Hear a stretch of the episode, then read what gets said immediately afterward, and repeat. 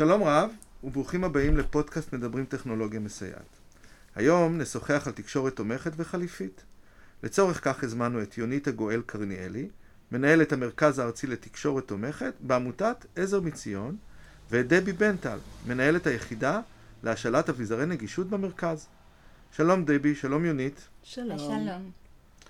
יונית, אה, תוכלי לספר לנו קצת על עמותת עזר מציון? בשמחה. עמותת עזר מציון התחילה את פעולתה בשנת 1979, והינה העמותה הגדולה ביותר במדינת ישראל בתחום עזרה לאנשים ומשפחות במצבי משבר רפואיים. אנחנו עוזרים לכ-700 אלף פונים מדי שנה. העמותה מופעלת על ידי כ-5,000 עובדים בשכר ו-30 אלף מתנדבים ב-57 סניפים ומוקדי פעילות. המנדט של עזר מציון הוא לעטוף את הפונים אליה בכל צורכיהם הרפואיים דרך פעילויות המחלקות השונות. אני אתן כמה דוגמאות. המאגר הלאומי לתורמי מוח עצם, אגף הסיוע לתמיכה בחולי סרטן, אגף לסיוע ותמיכה בקשישים, אגף בריאות הנפש, אגף לקידום הילד. בתוך כל המכלול הזה פועל גם המרכז הארצי לתקשורת תומכת. המרכז לתקשורת תומכת נפתח ב-1997 בעקבות זיהוי צורך של ילדי שיתוק מוחין שמשתמשים בתקשורת תומכת וחליפית להתנסות במכשירי תקשורת, במגוון מכשירי תקשורת, טרם החלטה על רכישה. כיום אנחנו מסייעים לכ-2,500 פונים מדי שנה. אנחנו מדברים על ילדים עם קשיים או חוסר בדיבור על רקע התפתחותי, ילדים עם לקויות מוטוריות, קוגניטיביות ותקשורתיות, ואנשים עם לקויות דיבור נרכשות, מחלות ניווניות, פגיעות ראש בעקבות תאונות, מחלות או חבלות. אנשים עם אפזיה. את כל אלה אנחנו משרתים. הדמוגרפיה העולמית עומדת היום על כאחוז וחצי באוכלוסייה שנזקקים לפתרונות של תקשור, תקשורת תומכת כדי לתפקד תקשורתית באופן שמותאם לצורכיהם. דבי, ספרי לנו קצת על אה, פעילות היחידה להשאלת אביזרי נגישות. בהחלט. הסיבה שפתחנו את היחידה הייתה כי להערכתנו כ-30% מהנעזרים במחשבי התקשורת ומכשירי הפלט הקולי הינם אנשים עם פגיעות מוטוריות משמעותיות שאינם יכולים להשתמש במכשירים באופן רגיל, אלא זקוקים לתיווך פיזי בינם לבין המכשיר. בעקבות הרצון להעניק להם את היכולת לנהל את סביבתם ולתקשר באופן הטוב ביותר, ב-2012 הוביל עזר מציון ביחד עם מימון נוסף של ביטוח הלאומי את הקמת יחידת אביזרי נגישות במרכז להשאלת מכשירי תקשורת. המטרה של היחידה היא לאפשר התנסות בסיוד לפני שהוא מסופק על ידי משרד הבריאות, וכך בודקים שזה הסיוד המתאים והיעיל ביותר. לא ניתן לקבל החלטה סופית אם מחשב התקשורת ואביזרי נגישות עונים על צרכי המשתמש, עד שהוא מתנסה בהם במשך תקופה מסוימת בסביבות התקשורת השונות. ביחידה ניתן להשאיר 88 סוגים שונים של אביזרי נגישות, אחד ממתגים פשוטים, תחליפי החבאה שונים המופעלים על ידי היד, תנועות ראש, תנועות פה וסנטר, ועד מערכות מיקום מבט עיניים. בנוסף, יש לנו כמה סוגי זרועות ורכיבים שונים כמו מגשים שמתחברים לכיסא הגלגלים. בשנת 2019 הושאלו כ-700 פרטי נגישות. מדהים. אה, דבי, את תוכלי לספר מה זו טכנולוגיה מסייעת ולמי מיועדת טכנולוגיה מסייעת לתקשורת? כן. טכנולוגיה מסייעת מתייחסת בדרך כלל למוצרים, מכשירים וסיוד שנרכשו, הותאמו ונבנו ומטרתם לשמר, לשפר או להגביר את יכולות התפקוד של אנשים עם מוגבלויות בחיי היומיום בכל תחומי התפקוד. משפרת איכות החיים ומאפשרת מידה גדולה יותר של עצמאות בתפקוד. טכנולוגיה מסייעת לתקשורת מיועדת עבור כל אדם עם לקות תקשורתית.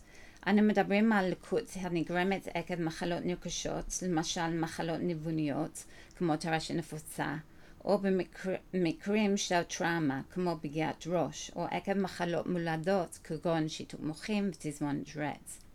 עבור, עבור כל אדם שאינו מסוגל להשתמש במחשב באופן רגיל, עם עכבר ומקלדת, צריך למצוא פתרון מתאים לפי היכולת הפיזית והקוגניטיבית שלו. יונית, מה זה בעצם תקשורת תומכת וחליפית, ומהם הערוצים השונים לתקשורת זו?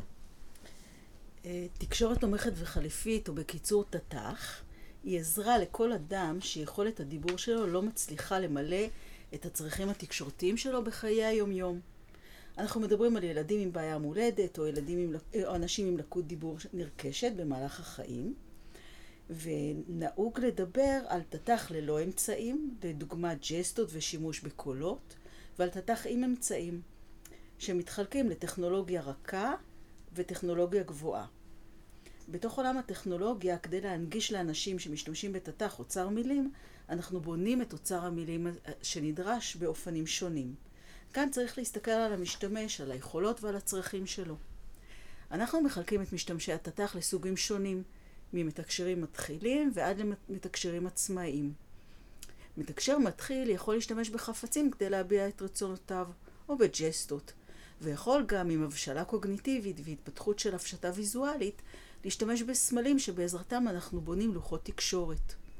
את הלוחות אנחנו יכולים להדפיס על דפי נייר וליצור ספרי תקשורת, או לבנות לוחות בתוך מגוון של עזרי תקשורת כמו מכשירי פלט קולי, שכוללים מספר לוחות ומספר מסרים בכל לוח, או לבנות לוחות על גבי אייפדים ומחשבי תקשורת.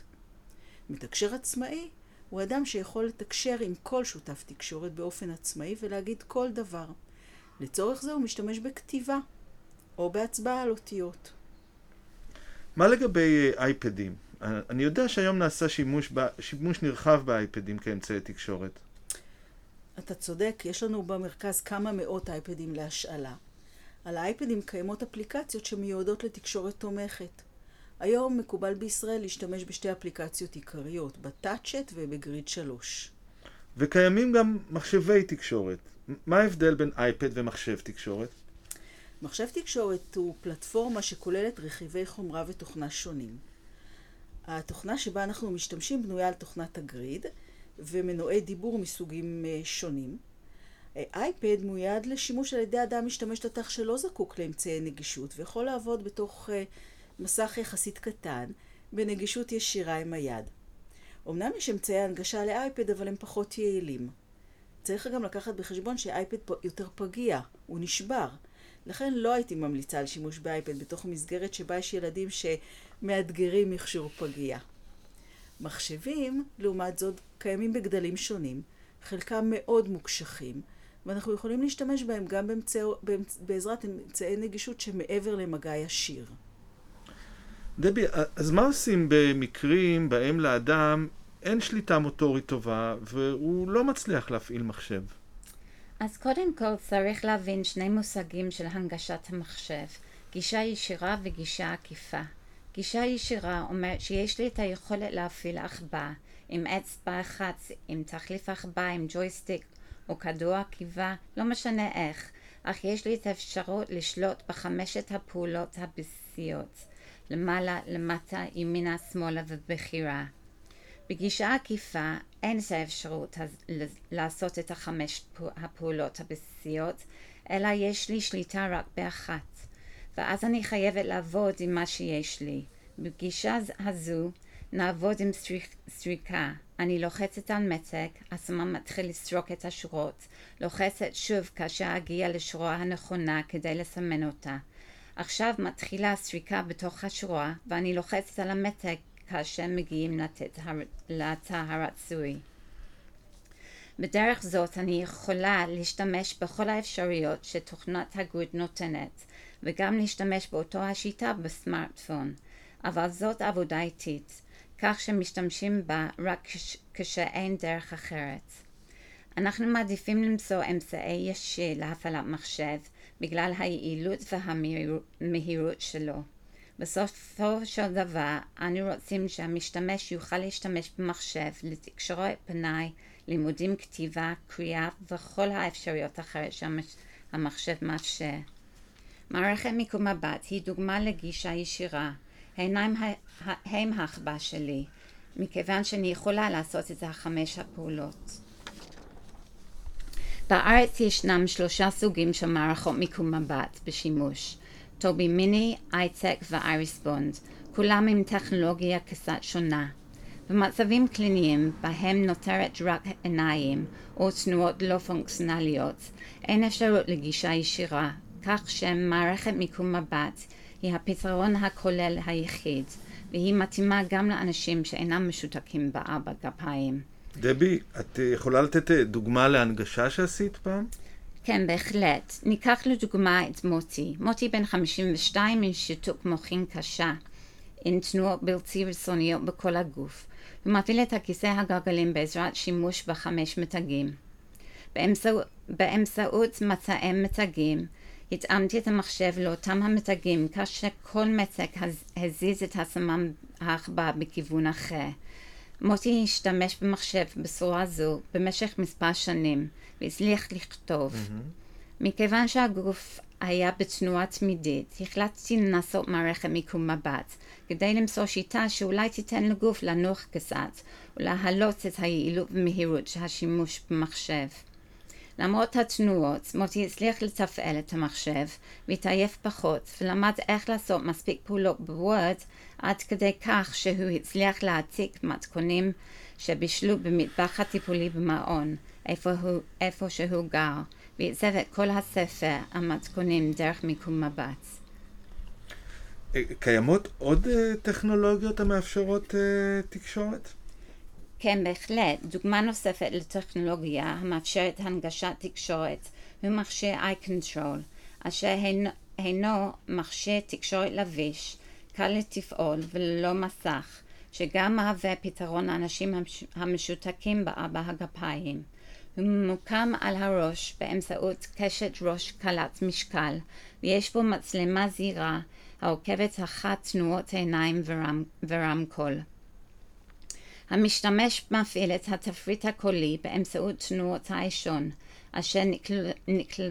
נקלטות על ידי המצלמה ומועברות ליחידת עיבוד.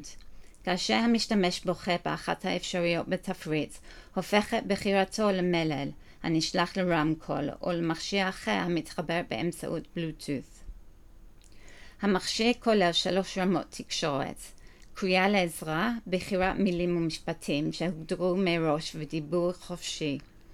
הוא אינו מצריך קיול ומאפשר תקשורת 24/7 בכל מקום, בבית, בנסיעה ובחוץ. אחת המאפיינים שלו היא שהמשפטים שהמשתמש שומע הם בשפה שהוא בוחר, אבל הפלט קולי יכול להיות מתורגם לשפה אחרת. יכולת זו יעילה עבור מקרה בו יש עובדת זר שלא מדברת עברית. העובד ישמע את המשפט בשפה שהוא יכול להבין. Mm-hmm. יונית, אה, מה הפרוצדורה לקבלת אה, ציוד תקשורת ואביזרי הנגשה בהשאלה? אה, פנייה אלינו נעשית באמצעות טופס מקוון על ידי איש המקצוע המטפל בקהילה. הבקשה נקלטת במרכז אצלנו והמשפחה מוזמנת לקבל את המכשיר בהשאלה. כל המכשירים מבוטחים והתשלום היחיד שהמשפחה נדרשת לשלם הוא עלות הביטוח במשך תקופת ההשאלה. אה, אני רוצה לציין שהחל משנת 2015 מחשבי תקשורת והנגשה נמצאים בסל הבריאות וניתן לקבל את המערכת לאחר התנסות. כדי להתנסות במחשבי תקשורת יש להגיש בקשה ישירות למשרד הבריאות שבודק אותה, מאשר אותה ומעביר אותה אלינו לתקופת התנסות טרם פנייה חזרה למשרד הבריאות לרכוש את המכשיר, את המחשב, עבור המשתמש. יונית ודבי, תודה רבה שהסכמתם אה, לספר לנו על תחום התקשורת התומכת והחליפית, שהוא בהחלט תחום אה, מרתק בעולם הטכנולוגיה המסייעת. תודה ולהתראות. תודה רבה. תודה.